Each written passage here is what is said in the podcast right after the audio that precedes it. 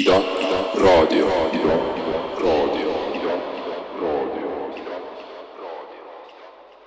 tere, head Ida raadio kuulajad!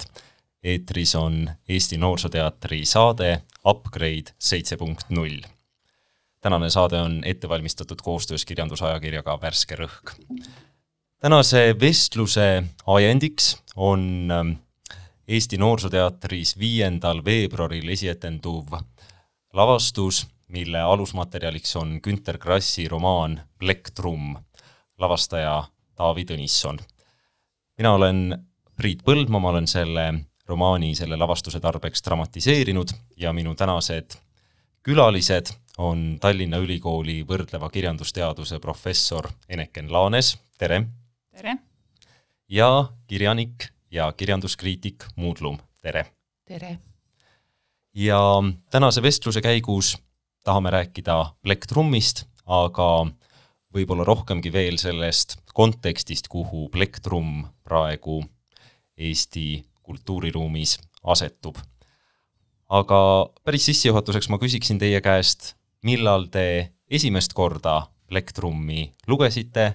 ja mida see teos teie jaoks tähendab?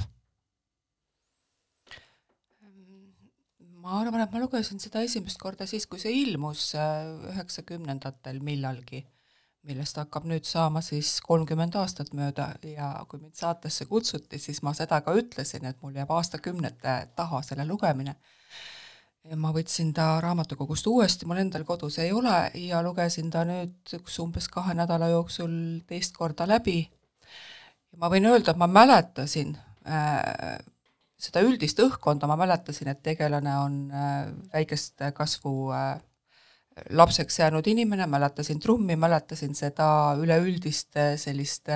noh, väga tugevat seksuaalsust, mis temas avaldus, aga ma pean ütlema, et ma tõesti ei mäletanud üleüldse peaaegu seda sõja konteksti, milles noh, ilmselt, millest meil praegu juttu tuleb. Ja lugedes katsusin nüüd väga hoolega seda leida ja ütleme, et kuni poole raamatuni ei olnud ju sellest õhkagi ja siis alles vaikselt hakkas nagu midagi tulema hästi-hästi aimamisi. ja mina lugesin seda samuti üliõpilasena pea kolmkümmend aastat tagasi äh, ja ka lugesin nüüd uuesti selle saate jaoks jõuluajal ja ähm, minu jaoks kirjandusteaduslikust vaatepunktist äh, see on raamat, mis räägib siis äh, natsismi esiletõusust ja ja saksa kirjandusteaduse kontekstis just selline esteetilisest vaatenurgast uus lähenemine, et kui peale sõda oli, arvati, et ainult realistlikult saab neid teemasid käsitleda, siis siis äh, Plektron on ju üsna selline hullumeelne äh, esteetilisest vaatepunktist hullumeelne versioon nendest sündmustest tõepoolest sõjakoledused ja, ja, ja sõjatrauma ja, ja see õudus, mille, millesse need inimesed, selle romaani tegelased satuvad, mille nad läbi elavad ja millest nad igaüks omal moel välja tulevad, on, on, on väga oluline ja väga keskne selle teose puhul. ma paluksin, Eneken, teil võib-olla äh, põgusalt selgitada, mis asi on traumakirjandus ja kas selle teose puhul saaksime me kasutada traumakirjanduse mõistet, on see õigustatud? No ja võib-olla sellist pikema tagasivaate korras võib öelda, et esialgu ju see mõiste kerkis esile seoses äh, holokaustis ellu jäänute tunnistuslike tekstidega, mis ilmusid siis peale sõda erinevates keeltes ja erinevates maades ja nad tegelikult mingisugust sellist äh, kogumit tol ajal ju ei moodustanudki, Primo Levi itaalia keeles kirjutas oma kogemustest või või ähm, Rumeenia juut ähm, Elie Wiesel prantsuse keeles. E, ja alles hiljem siis üheksakümnenda, alates üheksakümnendatest aastatest räägitakse sellest kui mingisugusest sellisest, neist tekstidest kui traumakirjanduse kaanonist. Ja alates üheksakümnendatest hakati ka äh, tegelikult ilukirjanduses siis imiteerima sellist, seda uut žanri nii-öelda, seda äh, siis mälestuslikku või sellist tunnistuslikku žanri. aga ma arvan, et äh, kui me tahame rääkida plektrumist kui äh, traumakirjandusest, et siis tegelikult seda traumakirjandust kasutatakse ka laiemas mõttes siis nii-öelda kollektiivsete traumade traumade kujutamiseks, et siis sellises kontekstis võib ka natsismi mingisuguse nii-öelda kollektiivse traumana näha. et äh, sotsioloog Jeffrey Alexander on siin juhtinud tähelepanu, et seal on see, see trauma mõiste metafoorne, et mitte inimesed ei räägi iseenda psühholoogilistest äh, läbielamistest, vaid, vaid räägitakse mingisugusest sotsiaalselt konstrueeritud äh, arusaamast, et, et ühele rahvuskehandile on mingid ajaloosündmused jät-, jätnud sellise otsustava jälje mälukultuuris, nii et, et selles mõttes ma arvan, Plektrum küll on, on ka traumakirjandus. kuigi seal on ju ka tegelikult üks tegelane, kes on otseselt Treblinkast äh, pääsenud äh, mees, siis juutide ajalugu tuleb ka seal äh, esile. ma selle individuaalse ja kollektiivse trauma eristuse kohta võib-olla tahaksin korraks täpsustada, kas me saame seal alati tõmmata päris range piirjoone või äh, või kas kollektiivne trauma või, või, või ühele, ühele kultuurile osaks saanud selline traumaatiline kogemus, kas see ikkagi ei koosne just nimelt väga erinevatest individuaalsetest traumadest? kas inimestel, kes elasid riigis, kus, kus kehtestati natslik diktatuur, kas neil oli üldse võimalik pääseda ilma individuaalse traumata? No äh, kindlasti mingisugune kriitiline hulk inimesi äh, peab äh, olema neid ohvreid siis ükskõik millise äh, ajaloolise vägivallaga on, on tegemist, aga tingimata, kui me räägime, et kaasaja eestlased ütlevad, et me oleme, meil oli selline kollektiivne trauma nagu küüditamine, siis kaugeltki kõik kõik, ähm, e, kõigi kogemus, otsene läbi elatud kogemus see ei olnud, et see on see suur erinevus, et selles mõttes on ka kritiseeritud seda nii-öelda kollektiivse trauma mõistet, et see, see, äh, see on selline nii-öelda äh, ei tähenda sedasama, mis, mis siis individuaalne trauma. üks väga huvitav selline tendents minu meelest viimasel ajal on kindlasti tajutav Eesti teatris, aga, aga võib-olla ka kirjanduses, et ähm, järjest on pöördutud selliste materjalide, teoste poole, mis just nimelt ähm, seda natsirežiimi esilekerkimist, kehtestumist kuidagi vaatlevad, peegeldavad, analüüsivad me saame siin välja tuua Tallinna Linnateatris, nad tulid keskööl, Draamateatris Mephisto, Endlas ma teenindasin Inglise kuningat, aga võib-olla kaudsemalt sedasama teemat puudutavad ka Noorsooteatris UNESCO ninasarvik ja ja Linnateatris Bradbury nelisada viiskümmend üks kraadi Fahrenheiti. Ja, ja Plektrum kindlasti asetub ka sellesse, sellesse samasse ritta, kus, kus me näeme ka jällegi natside sellist äh, kõigepealt varjatud sellist ligihiilimist, see, kuidas, kuidas tavalised inimesed ühel hetkel leiavad, suudavad samastuda selle sõnumiga, mida natsid levitavad ja kuidas see ühel hetkel mm, väljub nii-öelda kontrolli alt või, või, või just nimelt kasvab selliseks kollektiivseks traumaks. Mm kirjanduses ka ma hakkasin mõtlema, et, et minu meelest just viimastel aastatel on, on see juudi temaatika Eesti kirjandusse kuidagi, kuidagi jõulisemalt äh, sisenenud, näiteks Looneotsa armastus või, või Juta Kivimäe Suur tuba. mis te arvate, mis on selle põhjuseks, miks need teemad on korraga loojate jaoks aktuaalsed? Seda, miks nad praegu äh, on, äh, on aktuaalsed, tegelikult on ikka väga pikalt juba ammutatud sealt nii-ütelda meie omariikluse tekke ja, ja kadumise ja, ja sellest, sellest perioodist äh, ainest. ma arvan, et see ei lõppegi, kui, kui kirjanikud selles, selles ajakihistuses kaevavad no näiteks see ka, mida sa ei nimetanud, eh, on, see ei ole küll otseselt, no see on kõik see, eh, natslus ja, ja Vene okupatsioon, et see Lilliluugi Minu venna keha, eh, mis ka nüüd ilmus ja mis on nendest kõige süngem ja mis sarnaneb mingis mõttes, küll väga vähesel määral, plektrummiga, et ta on kõikides oma väljaütlemistes väga varjatud või ambivalentne, et äh, nii nagu plektrummis ei anta ju otseselt mõista, kes on süüdi ja kes ei ole, äh, nii on ka minu meelest Lilliluugi raamatu sõnum see, et on aegu, kus noh, üksikisikul peaaegu ei olegi valikuid, kuidas õigesti käituda. ja, ja ka temal on ju toodud see tegevus hiljem siis nii-ütelda noh, rohkem kaasaja poole, kuskile kaheksakümnendatesse, kus ta siis vaatleb seda, kuidas äh, need ellujäänud inimesed äh, oma eludega hakkama saavad selles muutunud maailmas. jaa, ma arvan, et äh, teemad sellest, kuidas autoritaarne võim esile tõuseb ja kuidas ta kehtestab ennast, et need on noh, aegumatud selles mõttes ja ajalugu järjest pakub meile jälle võimalusi sellega tegeleda või, või vajadust kas või nüüd siis Venemaa sõda Ukrainas, et, ähm, et traumakirjandus noh, eelkõige kujutab äh, ohvrite äh, kogemusi, aga siis võib-olla see küsimus, mis äh, koos plektrumiga kerkib, on ja kõigi nende nimetatud äh, asjadega on just see, et kuidas ähm,, et mis on see nii-öelda tavalise inimese roll kõrvaltvaataja, kes ei ole otseselt võib-olla ohver, aga ka mitte ka kurjategija aga milline noh, kuidas, kuidas tema siis sellistes olukordades peab käituma, et nagu nagu Oskargi ütleb, et siis, kui, siis kui järjekordne tõrvikurongkäikude ajastu algab, et, et mis siis on oluline teha, et et mingis punktis kindlasti äh,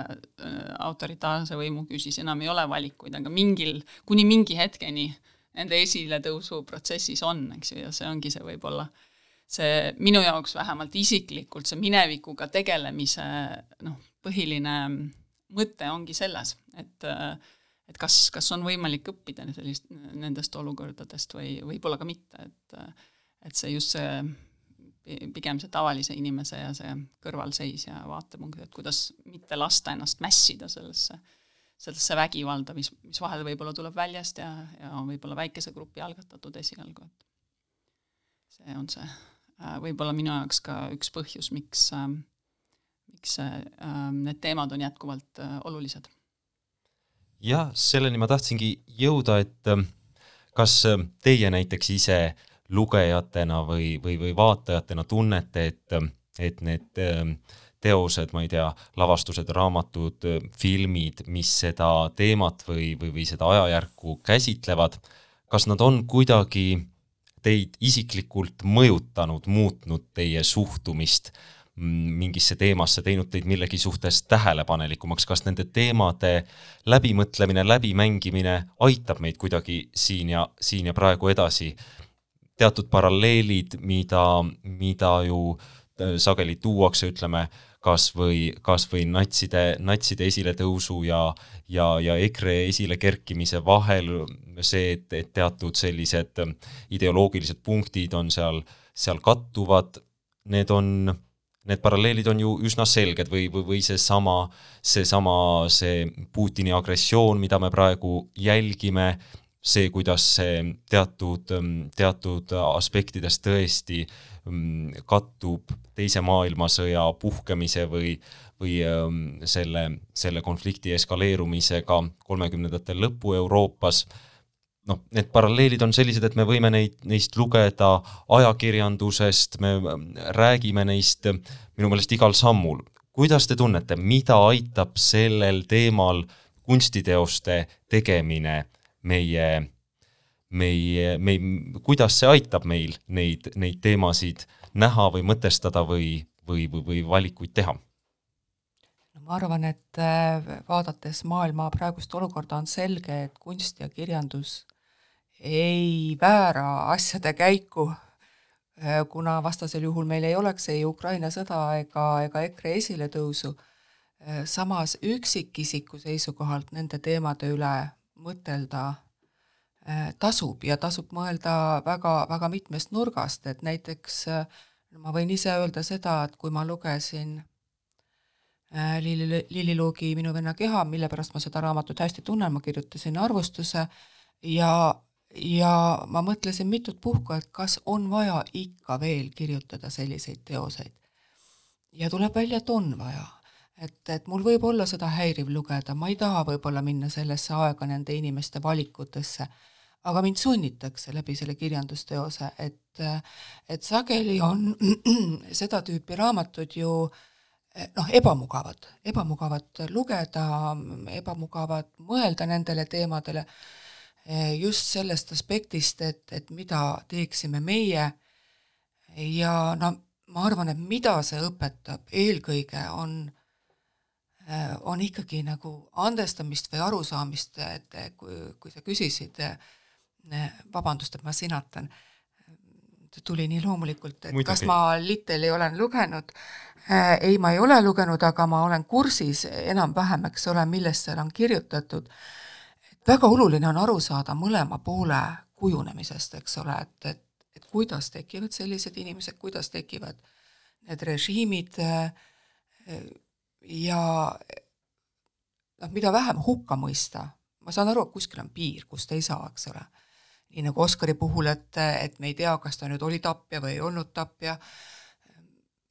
Aga meil on vaja aru saada, kuidas inimene noh, muutus selliseks, kuidas ühiskond muutus selliseks,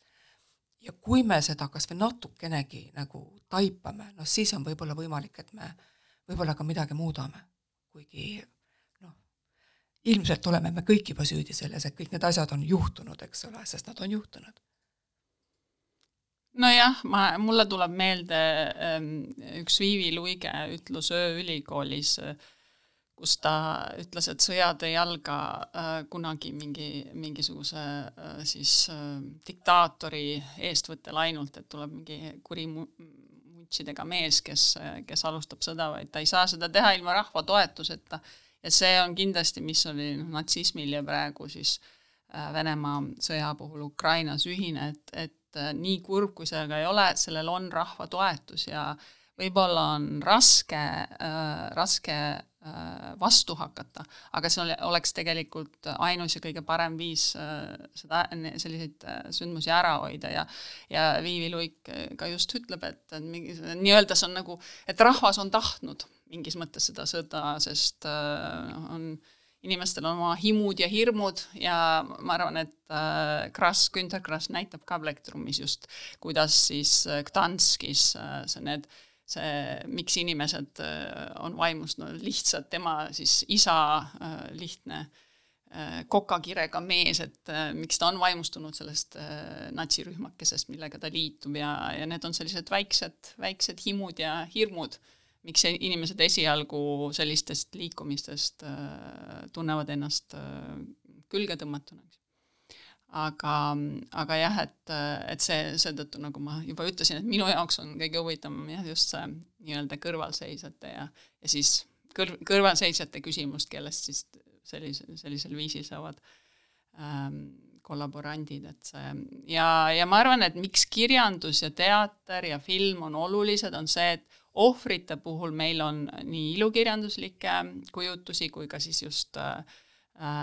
inimeste enda tunnistusi oma, aga loomulikult kurjategijad ei ole kunagi olnud väga äh, aldid oma, oma kogemustest jutustama ja samamoodi ka see kõrvalvaataja ja, või see nii-öelda kollaborandi äh, positsioon ei ole kuigi mugav et selle tõttu seal see nii-öelda ilukirjanduse ja teatrifilmi see kujutlusvõimeline, see fiktsionaalne pool on oluline, et püüda siis panna, nagu Made ütles äh,, inimesed äh,, inimesed siis äh, nendesse olukordadesse saada aru, et kuidas kuidas siis kuidas saab tavalisest inimesest mingisugune natsikurjategija või, või äh, kõrvaltvaatajast selline äh, inimene, kes, kes aitab kaasa mingi autoritaarse võimu esiletõusule. jah, see kõrvaltvaataja aspekt on Oskari puhul Plektrumis tõesti väga, väga selline ambivalentne või, või ühelt poolt ta tõesti ongi ju täiuslik kõrvaltvaataja, ta keeldub kasvama kas täiskasvanuks, ta otsustab jääda ähm, alati kolmeaastaseks ja, ja sellelt positsioonilt siis vaatab pealt kõike äh, kõike seda õudust, mis, mis tema kodulinna tabab ja, ja ühelt poolt võiks ju öelda, et tema ei ole mitte millegi eest vastutav, sest tema ei lähe sinna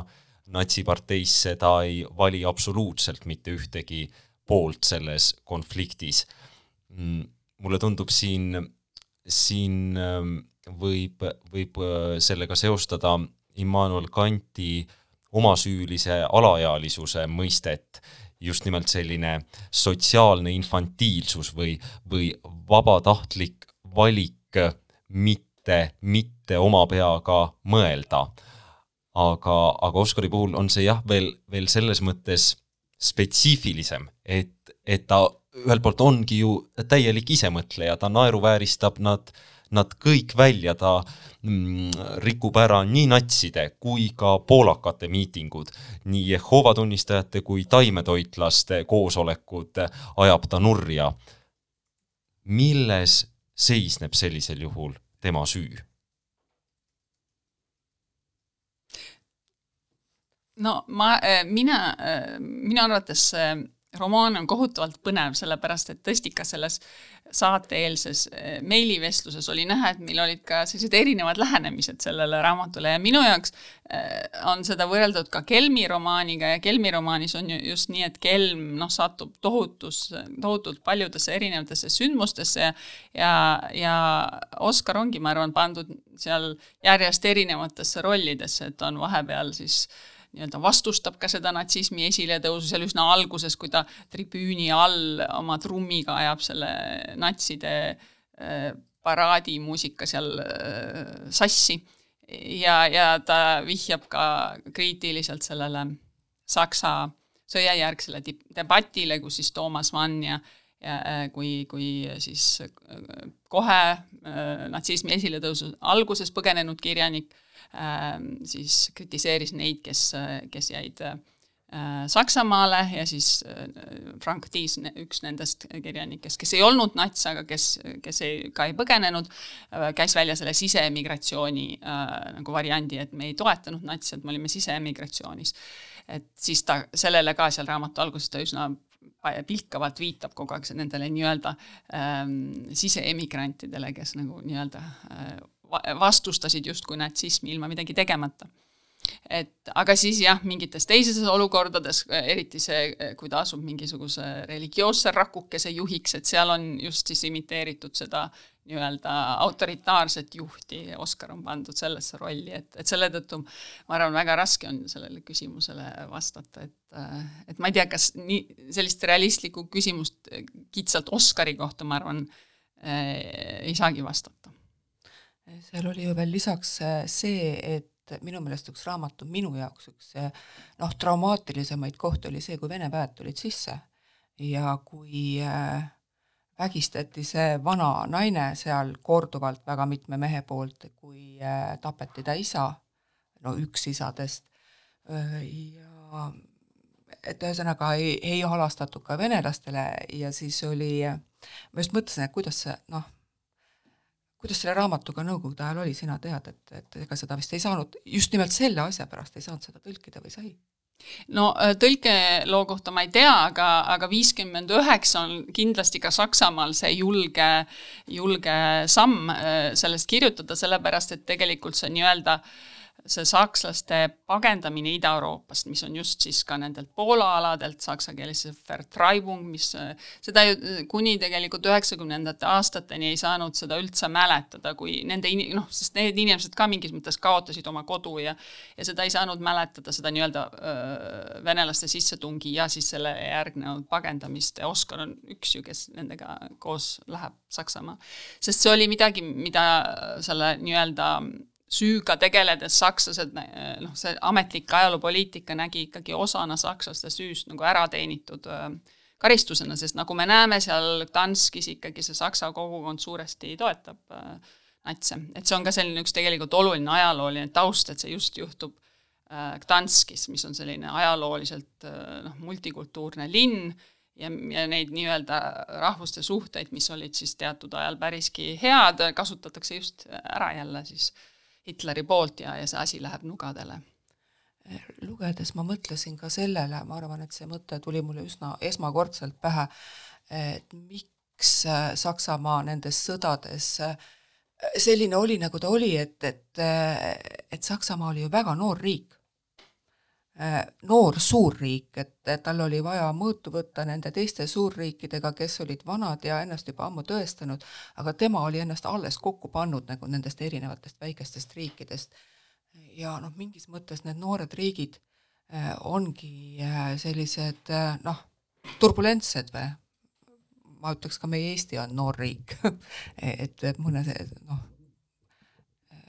tal ei ole paika loksunud paljud asjad. Ja suur riik ei ole kahtlemata lihtne olla, ei ole lihtne olla väike, aga ei ole lihtne olla ka üks kõige suurematest, eks ole, kes kogu aeg omavahel peavad kuidagi neid jõujooni jagama. Kui liikuda nüüd plektrumi juurest natuke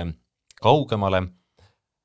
tahaksin küsida, millised ohud sellise ajaloolise katastroofi või, või, või kollektiivse trauma äh, kajastamisega kirjanduses või kunstis teie jaoks kaasnevad, kas te olete kunagi tundnud mõnd selleteemalist teost lugedes, et siin on küll mindud üle piiri, siin on seda, seda kogemust kuidagi, kuidagi inetult ära kasutatud või, või, või, või vägivalda kuidagi, ma ei tea, estetiseeritud või kas te olete mingil hetkel tundnud, et ei suuda, te ei taha edasi lugeda?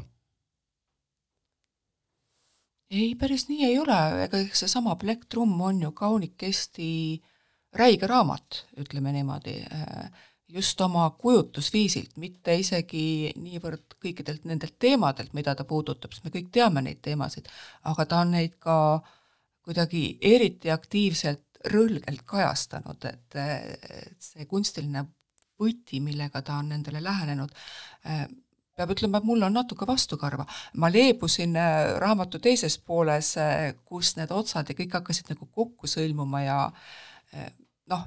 väga tugev kunstiline raamat, eks ole, et raamat, mis tekitab tugevaid emotsioone, on kahtlemata noh, igatepidi hea raamat aga kas kuskil saab üle piiri minna, kindlasti olen tundnud seda. see on mingil juhul siis, kui ma näen, et äh, seda mingisugust emotsiooni tahetakse minult välja pressida. Kuidagi ebaausalt või noh, või mingisuguse, mingisuguse nipiga ja ma näen, et seda tehakse noh, noh, kuidagi sihikindlalt või et see ei ole, ei ole ilus, on olnud selliseid asju. Ja on minu meelest asju, millest tõesti peaaegu et ei ole võimalik kirjutada otse, sest et noh, noh tõesti, seda ei saa lugeda,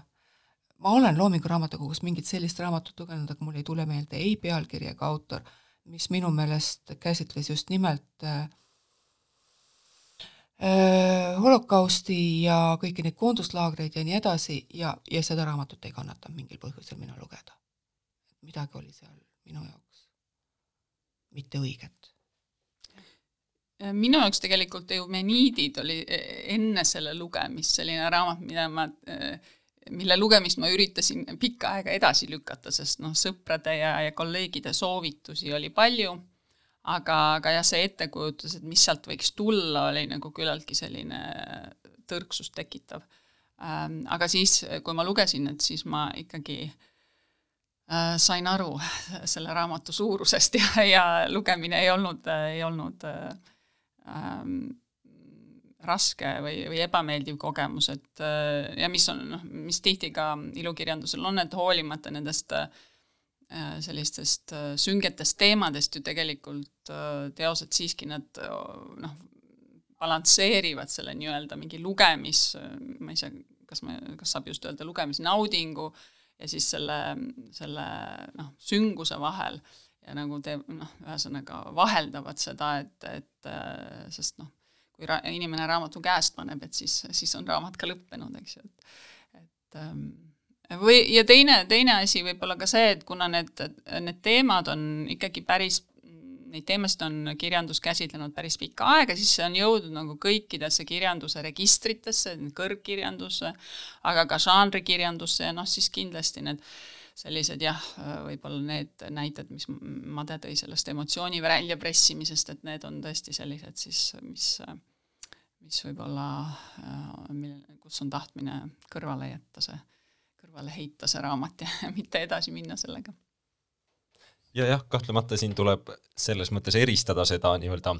kunstiliselt eh, sihipärast ebamugavust või, või, või sedasama, mida, mida mina küll tundsin Eumeniide lugedes mingil hetkel, et et ma ei taha teada või, või ma ei taha sellega kaasa minna, ma ei taha seda kõike näha või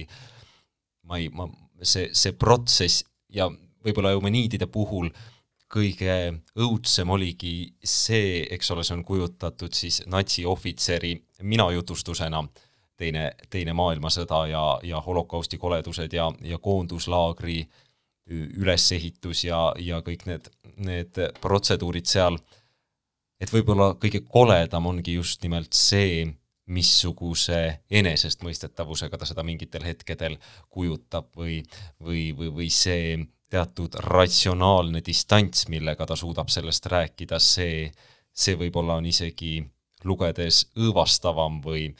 või, või, või, või see, et sa suudad nende mõttekäikudega või, või, või tema loogikaga mingil hetkel kaasa minna, aga, aga samal ajal ma saan aru, et, et just nimelt see, see ebamugavus või, või, või ka ebameeldivus, see ongi just see, mille jaoks see raamat on olemas või, või mis on tema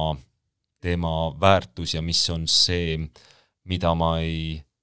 mida ma ei saa ükskõik kui täpsest ajalookroonikast kunagi kogeda, just nimelt see, see, see sissevaade selle inimese pähe, kuigi see on, eks ole, kõik fiktsioon ja ja, ja küll väga nagu ajaloolistel andmetel põhinev, aga ikkagi see tegelane on ju, on ju välja mõeldud, see on kirjutatud aastakümneid hiljem, aga et jah, ütleme, ajaloo, ajalooõpiku kaudu ma ei saa kunagi minna natsiohvitseri pähe, aga just nimelt see teadmine, noh, kui nüüd niimoodi banaalselt see kokku võtta, et ka minust võib saada natsiohvitser või et natsiohvitser on samasugune inimene nagu me kõik, et, et see loogika, mis teda valitseb, et see ei ole, või mida tema kasutab, et see ei ole midagi kuskil võõrast ja kauget ja et just nimelt selle õuduse mõistmiseks mulle tundub, seda tüüpi kirjandus on, on hädavajalik või, või ainuvõimalik nojah, kirjandusteadlased just sellise kurjategijale keskenduvate teoste puhul räägivadki nendest erinevatest äh, samastumisastmetest. et mingisugune samastumine, vist seda nimetatakse eksistentsiaalseks samastumiseks, ongi just vajalik selleks, et et see, see põhimõtteliselt seisneb selles, et me näeme ka kurjategijat samasuguse inimesena nagu, nagu me ise. ja vähemalt see on alus, et üldse hakata tema nagu nendest motiividest aru saama ja ka vaatepunktiga võime, võime siis äh, samastuda selleks, et vaadata nii-öelda siis sündmustele nii, nagu tema siis neid nägi. aga siis juba edasised astmed nagu äh,, nagu selline äh, moraalne samastumine ja see siis seda, sellest siis äh, tegelikult kirjandustekstid oma erinevate võtetega nagu siis hoiavad meid eemale, sest loomulikult me ei taha taha nii-öelda siseneda sellesse moraalsesse loogikasse, millega ta oma tegusid õigustab või äh, kaasa arvatud siis äh, seal, seal, seal eumeniidides, et, ähm, et see mingil het-, mingis kohas jääb see samastumine pidama selleks, et et, ähm, et selline ähm, nii-öelda kurjategijale keskenduv tekst teeks oma tööd õigesti et sa andsid üsna hea kirjelduse sellest, et kuidas, kuidas need erinevad astmed toimivad sinu puhul, toimisid sinu puhul? Minul tuleb sellega seoses, ma ei ole küll Eumeniide veel lugenud, aga mul tuleb meelde mõne aasta tagant äh, Vikerkaares oli selline natsi erinumber või kus neil oli siis äh, neid ideoloogia seal tõlgitud ja, ja, ja vastavaid artikleid. Ja, ja minul tekkis siis see ahah-elamus, et ma suudan nende tekste, no konkreetselt mul tuli meelde, et Julius Evala oli seal tõlgitud, et ma sain väga hästi aru, mida nad rääkisid ja ma isegi olin osade mõtetega vägagi nõus. et äh, noh, sellise sünge tumeda maailma nägemisega suutsin samastuda äh, täiesti ja see tuli mulle muidugi üsnagi suure ehmatusena seda vaatepunktide teemat, mida me oleme siin põgusalt juba täna puudutanud, tahaks natuke veel avada just nimelt see, et, et traumakirjandus, nagu ma aru saan, sai alguse ohvrite tunnistustest, aga, aga nüüd selliste ajalooliste sündmuste käsitlemisel see või, või, või ütleme siis ka nüüd konkreetsemalt Teise maailmasõja õudustest rääkides, et, et see vaatenurkade paljusus on on tunduvalt avardunud, seesama Eumeniidid on ju, võiks öelda siis Timuka romaan, Plektrumi puhul võib, ähm, võib öelda, et, et, et seal on, eks ole, küll palju, palju tegelasi ja, ja palju, palju selliseid erinevaid, erinevaid saatusi ja, ja erinevaid valikuid, mida me näeme kulgemas, aga keskmes on ikkagi Oscar just nimelt siis kõrvalseisjana, kuigi mingitel hetkedel kindlasti ka ohvrina ja mingitel hetkedel arvatavasti ka timukana. aga kas te oskaksite öelda, kas mingeid vaatenurki on meie praeguses kirjandus- ja kultuuriruumis puudu, kas on mingisugused aspektid, mis on veel läbi rääkimata, läbi kirjutamata, läbi mõtlemata, kas või, või, või midagi, mida on veel liiga vähe, millest me peaksime rohkem rääkima, kellele me peaksime rohkem sõna andma? No Made ütles, et Eesti kirjanikud on kõvasti ammutanud juba sellest, selle, selle teema varamust, aga, aga noh, kui me Eesti juurde tuleme, siis ma arvan, et et tegelikult viimase kolmekümne aasta jooksul on ikka need ohvrilood olnud tugevas ülekaalus, et ega meil ei ole äh, siis filmis võib-olla eriti, eks ju, on tulnud küüditamislood võimsalt esile ja ega ei ole, ega ei ole sellist äh, väga peale Ene Mihkelsoni äh, romaanide äh, Katkuhaua ja Asveeruse une sellist nii-öelda tegelemist selle ähm, kõrvalseisja või, või kaasajooksiku või äh, või ka kurjategija teemaga eestlaste vaatepunktist ju tegelikult ei ole. et see on üldine selline Balti, Balti kultuurile iseloomulik asi, et samamoodi on Leedus ja Lätis, et noh, sest Leedus on suur teema just ka see leedulaste osalus holokaustis, et et kui sealtki vaadata filme, siis äh, Äh, hiljuti, äh, viimastel aastatel on tulnud esimesed siis nii-öelda nende küüditamis- ja äh, filmide järel on tulnud kaks filmi holokaustist Leedus, Iisak ja, ja Lill Audu, ma arvan, võiks eesti keelde tõlkida, mis on mõlemad ka olnud siin PÖFFil näha, et seal on ikkagi näha, kuidas see, kuidas seda holokaustis osalemist on kuidagi põhjendatud Nõukogude võimu kaudu ja lõpuks, lõpuks need filmid on ikkagi tegelikult nii-öelda Leedu ohvri, ohvri lood, mitte siis Leedu juutide ohvrilood, et on noh, leedukate puhul põhjal on näha, kui raske tegelikult on, on selle teemaga tegeleda. Ja septembris ma kir-, ühes arvamusartiklis ma mainisin ka just seda, et, et see ohvri äh, nii-öelda see mälupoliitiliselt, see ohvri lugu on olnud äh, neil väga palju esil ja, ja äh, siis koostöös natside ja Nõukogude võimuga ei ole eriti tahetud rääkida ja see, sellele tuli väga valuline reaktsioon, see on meile kõigile väga, väga sisse, sisse juba äh, nii-öelda läinud, et, et et seda teemat peaaegu ei olnudki ja, ja neid oli vähe, neid inimesi ja et see on nagu selline ühest küljest mugav, eks ju, et need äh, eestlased kahtlemata kannatasid nendes sündmustes, vägivald tuli väljast, aga, aga noh, äh, just tuleviku vaatepunktist, sellest seisukohast, et kuidas me, kuidas me siis käitume selles olukorras, kui, kui, kui äh, vägivald meile peale surutakse, et et siin ma arvan, kindlasti on teisest maailmasõjast ka, ka eestlastel õppida, et et ähm, sakslased ja, ja venelased tulid oma äh, oma autoritaarse riigiga, aga, aga siiski äh, mingi osa eestlastest äh, selle tulemusena ka tapsid üksteist, nii et, äh, et see on, ma arvan, kindlasti küsimus, mida, mida ka teater ja, ja, ja kirjandus ja film võiks rohkem käsitleda. Mina olen oma elus selle korra läbi elanud, kas see oli siis üheksakümnendatel või, ühesõnaga, millal iganes, kui need suured kivid Toompeale toodi ja kui, äh, kui olid sellised ärevad ajad ja äh, mul oli tookord ühesõnaga selline elukaaslane, kes oli äh, kõva napsivend ja, ja tema hakkas ütlema, et noh, et selge see, et noh, nüüd saadad mu sinna, sinna ja sinna. et noh, ta, temal oli perekonnas nagu kogemus sellega, minu perekonnas ei ole, ja ta nagu kujutas ette, et noh, et, et esimesel võimalusel Äh, keegi, mina, ükskõik kes, võtab kätte ja noh, annab ta kuskile üles või, või teeb midagi. minul oli see noh, ääretult võõrastav äh, kuulda sellist asja, aga see ongi mingisugune ajalooline noh, seesama trauma, eks ole, ta kuskil, kuskil sügaval sees ja mingisugustes olukordades ta ilmutab ennast hästi ootamatult. kuulaksime siia jutu vahele nüüd ka veidi muusikat, katkend äh,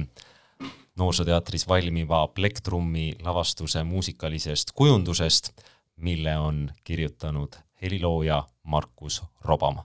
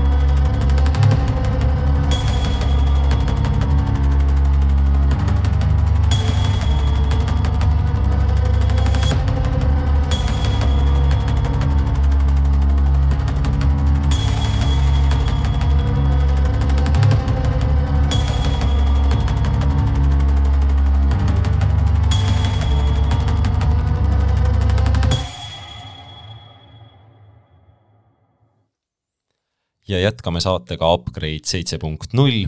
täna on külalisteks Eneken Laanes ja Made Luiga, jutuajendiks on Noorsooteatris lavale jõudev Günter Krassi Plektrum. me oleme siin täna rääkinud äh, erinevatest vaatenurkadest, erinevatest äh, teemadest, aga, aga tahaks nüüd natuke rääkida ka poeetikast. Äh, just nimelt traumakirjanduse puhul ähm, nagu Eneken te saate alguses rääkisite, et ähm, et äh, selline realistlik käsitu-, käsitlus, ohvrite tunnistused võivad ähm,, ei, ei pruugi alati olla kõige, kõige täpsem viis viia lugeja traumani. kuidas kirjutada traumast nii, et, et see juhataks äh, lugeja kõige täpsemalt selle, selle kogemuse tuumani? nojah, sõja järel, seal siis kahekümnenda sajandi teisel poolel, see oli selline suur nii-öelda kirjanduslik debatt, et et ühest küljest noh, tundus, et kuna on vaja, eks ju, neid fakte inimestele teatavaks teha, et siis selline ainult, ainult selline realistlik ja fa faktitruu ähm, esitus on, on see, mis on äh, võimalik selliste sündmustega seoses. aga siis äh, samas jälle ka äh, need ellujäänud ise ütlesid, kogesid seda nii-öelda äh, selle kogemuse sõnadesse panematust nii-öelda äh, ja, ja seal pigem see kaalukauss kaldus siis kahekümnenda sajandi lõpuks selle arusaamise juurde, et just võib-olla modernistlik kirjandus oma selliste äh, ava-, avangardsete ja eksperimentaalsete võtetega on võib-olla see, mis, äh, mis aitab nagu siis ajaloolisi traumasid kujutada. Ja ma arvan, et Ene Mihkelsoni romaanid on kindlasti kuuluvad nende hulka, sellised üsna raskesti loetavad, sellised fragmentaarsed, erinevat materjali põimivad, et et, see on just hea näide sellisest, sellisest teist tüüpi kirjandusest. ja, ja Plektrum kahtlemata kuulub, ka äh, sellise nii-öelda mitterealistliku kujutuse juurde ja aga, aga täiesti teistsugusel viisil võib-olla siis, kui kui Ene Mihkelson või, või mingid teised modernistlikud ähm, äh, tekstid, et on selline äh,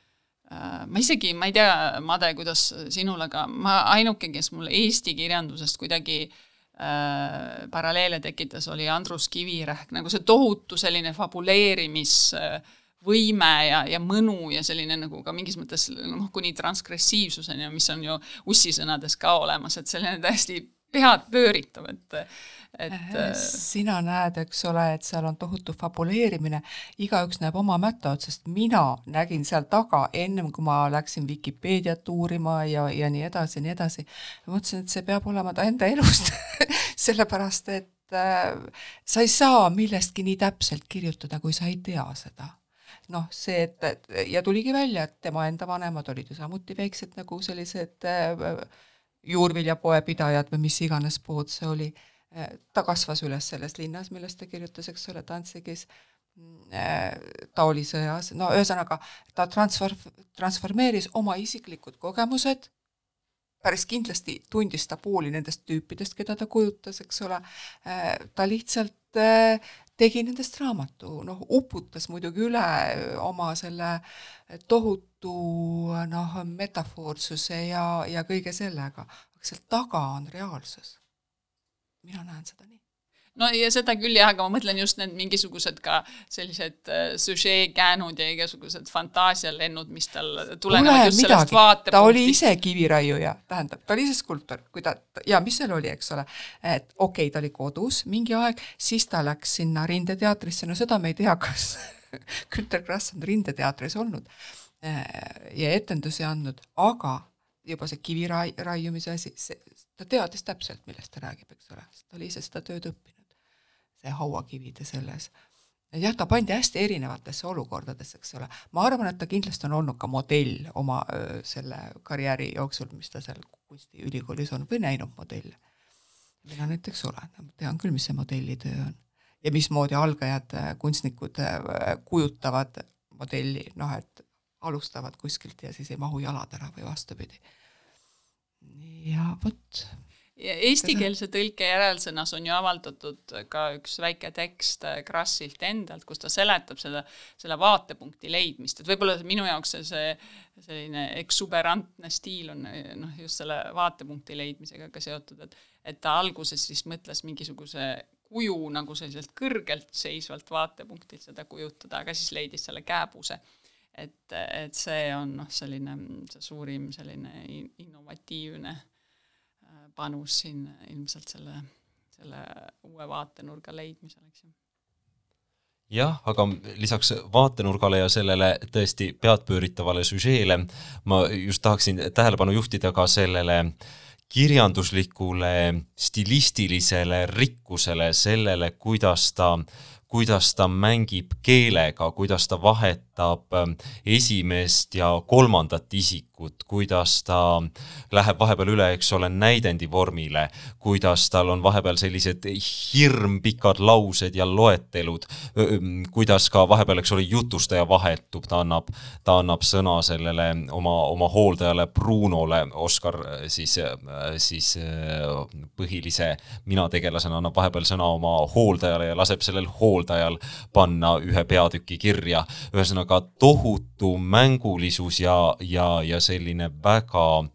väga-väga rikas poeetika, mille puhul ega ma tegelikult ei tea, me ju praegu oleme proovidega poole peal ja, ja otsime seda vastet, et, et kuidas seda teatrivahenditega edasi anda, aga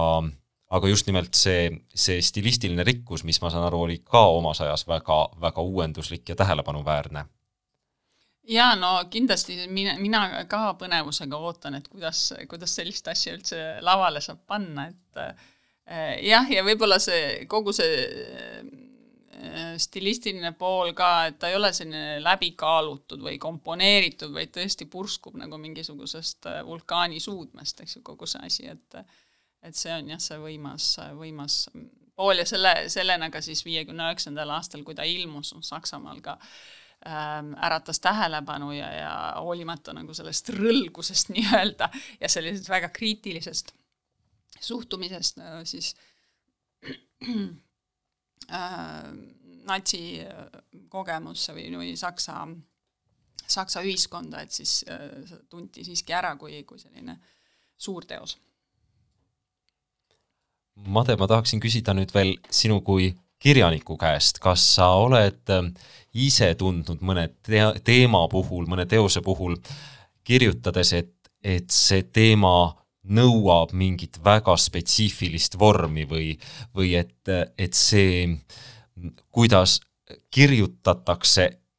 ka, ka võib-olla see, kuidas sa ise tavaliselt kirjutad, et see jääb mingisuguse teema käsitlemisel liiga kitsaks, et sa pead murdma mingisugusesse teise stiiliregistrisse? ei, vägisi ma seda ei tee, ma arvan, et ma olen ikkagi rohkem selline intuitiivne kirjutaja ja vastavalt teemale võtab see lihtsalt noh, nagu ise selle vormi, et eh, aga ma olen tundnud, et ma kirjutan asjadest, millest ei tohi kirjutada, noh, kas või see mitte ainult minu tädi Ellen, on mingis mõttes ka ju ikka noh, ma ei tea, kas seda traumakirjanduseks nimetada, aga ta puudutab äh, tabuteemasid ja ja teeb seda viisil, mis ei ole võib-olla alati noh, seda ei aktsepteeri igaüks, eks ole, et sa kirjutad äh, nii ja nendest asjadest niimoodi. et, äh, et ma olen neid eetilisi küsimusi enda peas pidanud lahendama küll.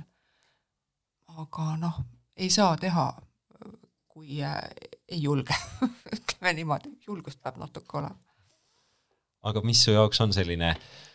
siis ütleme, vastus neile eetilistele küsimustele või, või kui sa, kui sa seisad selle küsimuse ees, et kas see, mida sa kirjutad, teeb kellelegi haiget? ei no ta ei teinud enam haiget, eks ole, nendele inimestele, kellest ma rääkisin, kui arvestada, et ma rääkisin reaalselt eksisteerivatest inimestest ja nad ei olnud nagu noh, nii ammu, meil on ju vägagi kombeks Eestis võtta reaalselt eksisteerinud isikud kirjandusteose aluseks, aga enamasti nad on siis, kuuluvadki sinna kuskile neljakümnendatesse aastatesse. Et istudes igasugu žüriides, neid tuli ridamisi, neid teoseid, kus on võetud reaalne isik ja, ja kirjutatud temast raamat. Ja arvatavasti noh, võib-olla on kuskil nendel reaalsetel isikutel ka veel lapselapsi ja nii edasi, kellele ei pruugi see kõik meeldida, kuidas nende elu on kirjanduseks vormitud. aga noh, minu, minu isikud tegelikult, eks ole, ei ole ajaloolised isikud ja ei, ei peaks olema sellised et keegi ei tunne neid ja kellelegi ei tohiks korda minna noh, kuidas neid on kujutatud või kuidas neid ei ole kujutatud. Eh, pigem ma arvan, et küsimus seal ei olnud mitte nendes isikutes, et nad on, nad on ju ikka alati, tähendab, see on ikkagi ilukirjandus, mida ma olen teinud, vaid just nimelt need teemad, et et millest ei räägita, ei räägita vaesusest, vanadusest, haigustest ja sellest, kui õudne see tegelikult on, sellest täpselt samamoodi nagu sõjast ei saa kirjutada noh, nagu ükskõik kuidas või noh, seda, kuidas ma ütlen, kirjanduse asi ongi see, et sa ei pea nagu ütlema täpselt, mis sa mõtled, vaid sa, sa ainult kuidagi näitad või see ilmneb läbi millegi teise, millegi kolmanda kaudu, räägid sa millestki neljandast, ma ei tea, kas ma väljendusin arusaadavalt. jaa, minu jaoks oli küll väga kuidagi selge ja inspireeriv praegu ja, ja mulle tundub, et see on, on ka midagi, mis, mis just nimelt ähm, noh, ilmselt kõiki suuri teoseid, mis käsitlevad mingisuguseid tabuteemasid või, või piirialaseid teemasid mingil moel, iseloomustab just nimelt see, et, et ei öelda välja, mida mõeldakse, vaid, vaid see kuidagi ilmutab ennast mm tahaksin siia veel lõpetuseks õhku visata ühe teema. olen, olen viimasel ajal kuidagi nii, nii omaenda tegemistega seoses kui, kui, kui, kui ka ütleme, lugedes või, või, või, või teatris käies puutunud kokku natuke sellise suhtumisega, et et miks peab praegu niigi ühiskondlikult keerulisel või äreval ajal rasketest asjadest üldse rääkima, kui meie ümber on niigi palju äh, halbu, halbu uudiseid, kui uudistest vaatab iga päev vastu selline tõeline, tõeline õudus, et, et kas siis kunst ja kirjandus ja teater ja film ei, ei peaks pakkuma just nimelt lohutust ja, ja lootust. või isegi, et kui te räägite keerulistest asjadest, et et, et vaadake, et, et lõpus ikkagi oleks mingisugune lootus või et ikkagi nagu joonida alla ka seda asja helgemat poolt ja, ja, ja ühtepidi ma saan sellest väga hästi aru, inimesel ongi ju ellujäämiseks lootust väga vaja, aga aga mulle ikkagi tundub, et mingite teemade käsitlemisel selline helgus või, või, või lootuse andmine või, või noh, et ta muutub hästi kergesti selliseks võltsoptimismiks. mida teie arvate, miks, kas ja miks peaks üldse praegusel ajal tegelema raskete teemadega? no kindlasti vältimine on üks viis äh, nagu seda äh, sünget ja, ja ebameeldivat endast äh, eemale hoida. aga teine võib-olla on ka tegelikult selline intellek-, intellektuaalne uudishimu, noh, mil, kuidas ma ise olen lahendanud selle äh,, miks ma, miks ma selliste teemadega tegelen ja, ja miks see ei äh,, äh, ei ole masendav et äh, ja ma mäletan, et hiljuti ilmunud Jaan Krossi kirjad äh, laagrist et seal ta ka ühel hetkel ütleb, et ta äh, võrreldes teiste äh, vangidega, et ta on kindlasti füüsiliselt nõrgem ja ta ei, ta ei saaks nii hästi äh, noh, väga ekstreemsetes füüsilistes tingimustes ellu jääda.